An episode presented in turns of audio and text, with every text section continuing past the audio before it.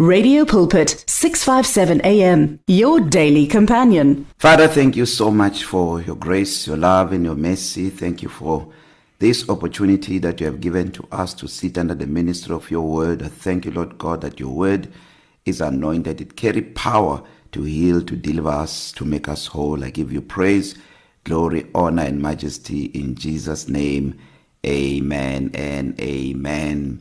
Welcome to the show. My name is Pastor Kenny Mukwena, and it's time for you to experience the blessing. Today we're starting a new conversation which I've titled Manifesting the Blessing. Manifesting the Blessing. I want us to talk about how the blessing is manifested in our lives because you know so many of us in the body of Christ we do not know how to manifest the blessing you know a lot of times you look at the house you look at the car you look at the job you look at healing and then we call that the blessing. But there is a, there's something deeper than that. I do not deny that those are evidence or signs of the blessing but they are they they fall short in terms of how the blessing truly manifests in our lives so we are going to talk about that and look at how we can move from here and learn how to manifest the blessing because it's very important at the time that we are living in to know how to manifest the blessing. You remember the scripture says that Gentiles shall come to your light and kings to the brightness of your rising. And then Isaiah 62 says that the Gentiles shall see your righteousness and kings your glory. So what are the things that the Gentiles are supposed to see for them to know that you know we are blessed. We are we are sons and daughters of the most high God you know because if we limit it to material possessions we've got we have a lot of uh, people that are not born again that have better material than those that are born again.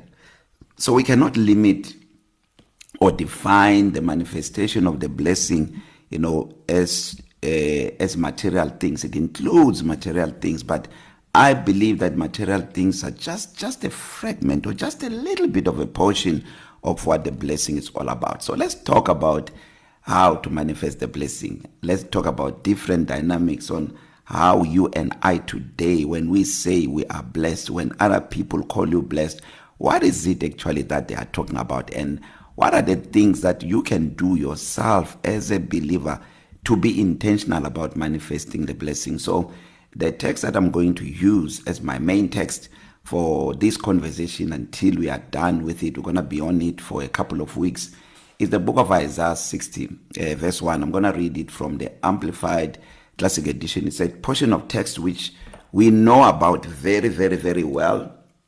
Uh, it's actually I believe with all my heart that we are living in the days of Isaiah 60 Isaiah 60 is um, is is a prophecy about the time that we are living in. So verse 1 says, "Arise from the depression and prostration in which circumstances have kept you." And then it says, "Rise to a new life." Underline that. Rise to a new life. That that part rise to a new life. That is where we begin to learn and understand the manifestation of the blessing because the manifestation of the blessing has to do with newness of life life after we have passed from death. You know the bible says that we have passed from death to life because we love the brethren. So here it says arise from the depression and prostration in which circumstances have kept you. Rise to a new life. And then it says shine. Be radiant with the glory of the lord for your light has come and the glory of the lord has risen upon you. So let's talk about Isaiah uh, 60 verse 1. Firstly, this is a command. If you look at it, it's a command. It says arise, arise. And this is what I believe God is saying to us as the body of Christ right now. He is saying arise, arise. We are called to arise. The Amplified Classic Edition tells us what we arise from because when you arise it means you have taken a certain posture and you are commanded or called to take a different posture I'm excited about this conversation because someone is going to be so so so encouraged. I don't know where you are right now what you are going through but I want to tell you this that God is at work in our lives right now. And if you can open your spirit and and just try to grab something out of this message you can rise up from where you are and take center stage and take your position in Christ because that's what God is calling us into. So this verse says arise, arise. You know, if if you look at COVID for me, if you look at the the the, the period of COVID, I mean we we were in that era or in that period for for about 3 years from 2020 until late 2022 at least in our country um, uh, then the state of national disaster was suspended or, or cancelled. Yeah, cancelled is the right word. Um, somewhere last year, last last year late. So from 2020, you know, it was that situation that so many people uh, uh, were subjected to. And you look at the the difficulties that people experienced during that time. It was the most difficult time in our in the world, actually, not just in our nation, but in the world. So if you look at a time like that, I believe with, with all my heart that that kind of a situation is a situation that demands the children of God to arise. The scripture says that the earth is groaning, waiting for the revealing or the manifestations of the sons of God. I believe that every circumstance that we that we get confronted with as a human race it's a, it's it's a, it's a it's an indictment for the body of Christ to say what are you doing what are you doing at a time like this because uh, Jesus is not here but we are here and he's alive in the inside of us. You know when we face situations we cannot cry like the world cry. No we bring light to this nation. We bring light to the world because the bible says that we must radiate with the glory of God because our light has come. Our light has come. And i want you to see something here. Firstly it says arise from the depression and prostration. Look at the time during that time i'm referring to. Um, under COVID. So many people were depressed. So many people were, were prostrated. People lost their jobs. Business died. Churches closed down. You name them. So many things happened during that time. Even right now, we have not actually uh, uh, fully recovered from what happened during during that time. Um, uh, so so so at the situation like that, God calls His people to arise, not to arise in their own strength and in their own ability, but to arise in Him. That is why it says rise from the depression and prostration in which circumstances have kept you. It says circumstances have come to keep you depressed, to keep you prostrated, but you are called to rise to a new life.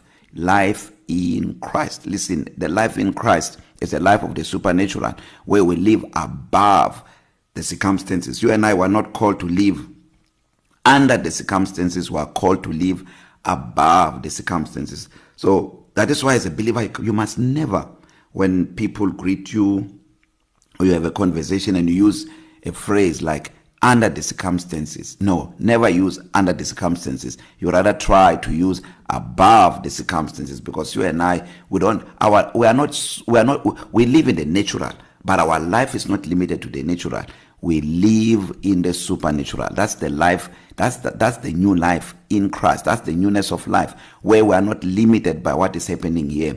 And the reason of for that is the next line which says shine, shine, shine. Why are you shining? You are shining, you are radiating with the glory of the Lord because your light has come. I want you to see something here so that you can understand this text. This was written by Isaiah the prophet long before Jesus Christ came on the scene. Remember Isaiah had a vision of the Lord. God gave him a revelation of uh, uh, the Christ, his passion, you know, his death and his resurrection. Isaiah saw that. You you you'll remember in in Isaiah 53, Isaiah says that talks talking about Jesus. It says he was wounded for our transgressions, he was bruised for our iniquities, the chastisement for our peace was laid upon him and then he says by whose stripe we are healed. This is what Isaiah says. Long before Jesus went to the cross. Isaiah says, by his stripes we are, we are, we are healed. Not we shall be healed. So what Isaiah did, he went ahead and, and, and went to the cross of Jesus long before Jesus came on earth. And he appropriated healing. He, he, he, he, he did not want to wait until Jesus has died. With that vision, he saw it as a reality. With what the Lord has shown him, he saw it as a reality at that time that he's living in. And he says, by whose stripes we are healed. Remember, he's calling the stripes which has not yet taken place in the physical. But do remember that the scripture says Jesus was slain before the foundation of the earth. Jesus is a lamb slain before the foundations of the earth. So Isaiah did that. He appropriated the work of Calvary even before Jesus Christ went on the cross. And then you look at what 1 Peter 2:24 says. 1 Peter 2:24 says, "Who himself bore our sins on his body on a tree, that we having died to sin might live for righteousness." And says, "By whose stripes we were healed." So Isaiah went into the future, but Apostle Peter who goes into the past. Apostle Peter doesn't say by his stripes we are healed. No, he says by his stripes we were healed. Why? Because when Jesus died on the cross, we we we we, we, we were given access into the benefits of his death on the cross. So now when you look at Isaiah chapter chapter 60 verse 1, Isaiah says for your light has come. The same thing that he said when it comes to um uh, he the Jesus death by whose stripes we are healed. He's using the same line here. Jesus has not gone to, to, to the cross, but he already says, For your light has come. Because when that light there, that light there is not the light which you which you see on the sun or which you see when you enter a room that is dark and press a switch on and then Eskom brings light out. This is Christ. He's speaking about the Lord Jesus when he says, "For your light has come." He's talking about Jesus. That's why in, in the after the comma it says, "And the glory of the Lord has risen upon you." So here's what what what is happening. Your light has come, and with us, this light lives in the inside of us. Christ in us, the hope of realizing His glory, the hope of His glory. Christ in us, the hope of His glory.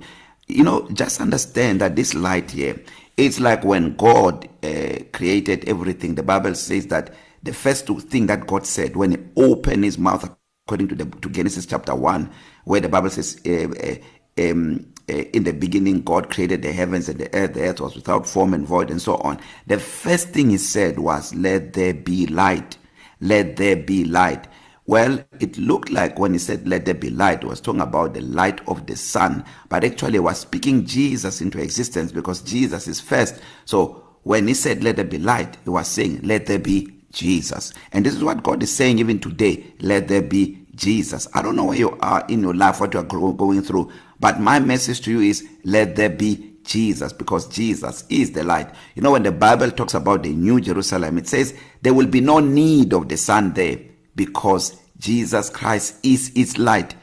The king is its light. He's the light of the new Jerusalem. So you don't need the light of the sun because he is there. He is the light. He says this himself in the book of Matthew chapter 5. He says, I am the light of the world. He says a city that is, or he says actually that when he talks about the city that is on the hill, he's talking about us. He said, I am the light of the world. Jesus is the light of the world. You know, remember also in John chapter 9, uh, after he healed a man who was born blind, He said, I must work the works of him who sent me while it is still day. And then he says, because night is coming where no one can work. And then the next verse he said that he said that for as long as I'm in the world, I am the light of the world. So Jesus is the light of the world. So here when the Bible says, for your light has come, has come. Now he's not long, no longer talking it in in present. He's talking about it in the past. Your light has come. And this is what you must know as a believer that you manifest the blessing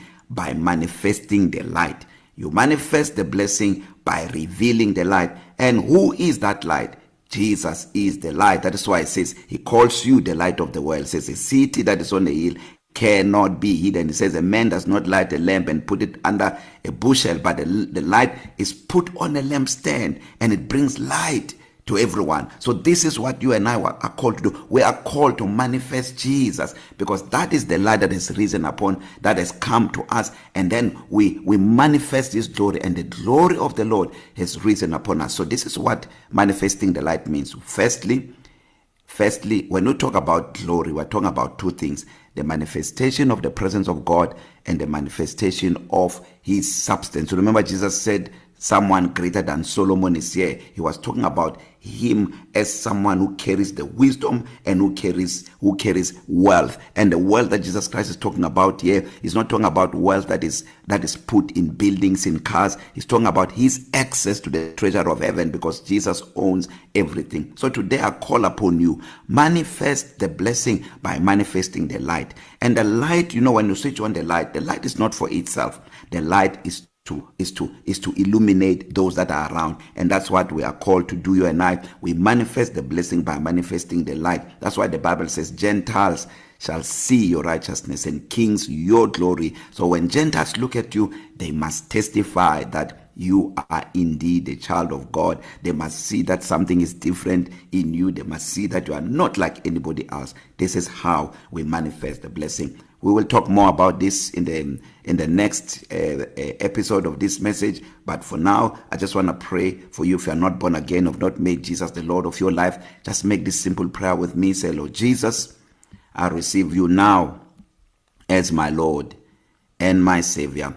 Amen and amen. If you made that prayer you are born again. You are my brother you are my sister. I will see you in heaven. I have prepared a free salvation material that will help you on what to do now that you're born again. So request for it by sending me a WhatsApp message on plus 2766066050 plus 2766066050 and I will send you the material right away. It's free. So I love you so much. God bless you and may you experience the goodness of the Lord every moment of every day. God bless you.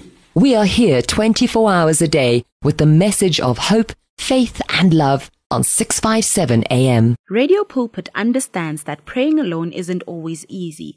So, join us to form a chain of prayer for you and with you. To do so, send in your prayer requests on 0674297564. That is 0674297564 or alternatively email us on prayer at radiopulpit.co.za. That is prayer at radiopulpit.co.za. Tune in to Radio Pulpit on 657 AM for reliable Christian talk radio at its best. Find your daily dose of Christ-centered motivation and encouragement on Radio Pulpit 657. Download our app now. Tune in to radiopulpit.co.za or find us on DSTV Audio 882 and OpenView 607. Radio Pulpit, your daily companion for more than 40 years, brings a relevant moral alternative to 400,000 listeners in a variety of South African languages. Follow us on Facebook, Instagram, and Twitter, and download our podcasts today. You and 657 AM and life, a winning team on the road to eternity.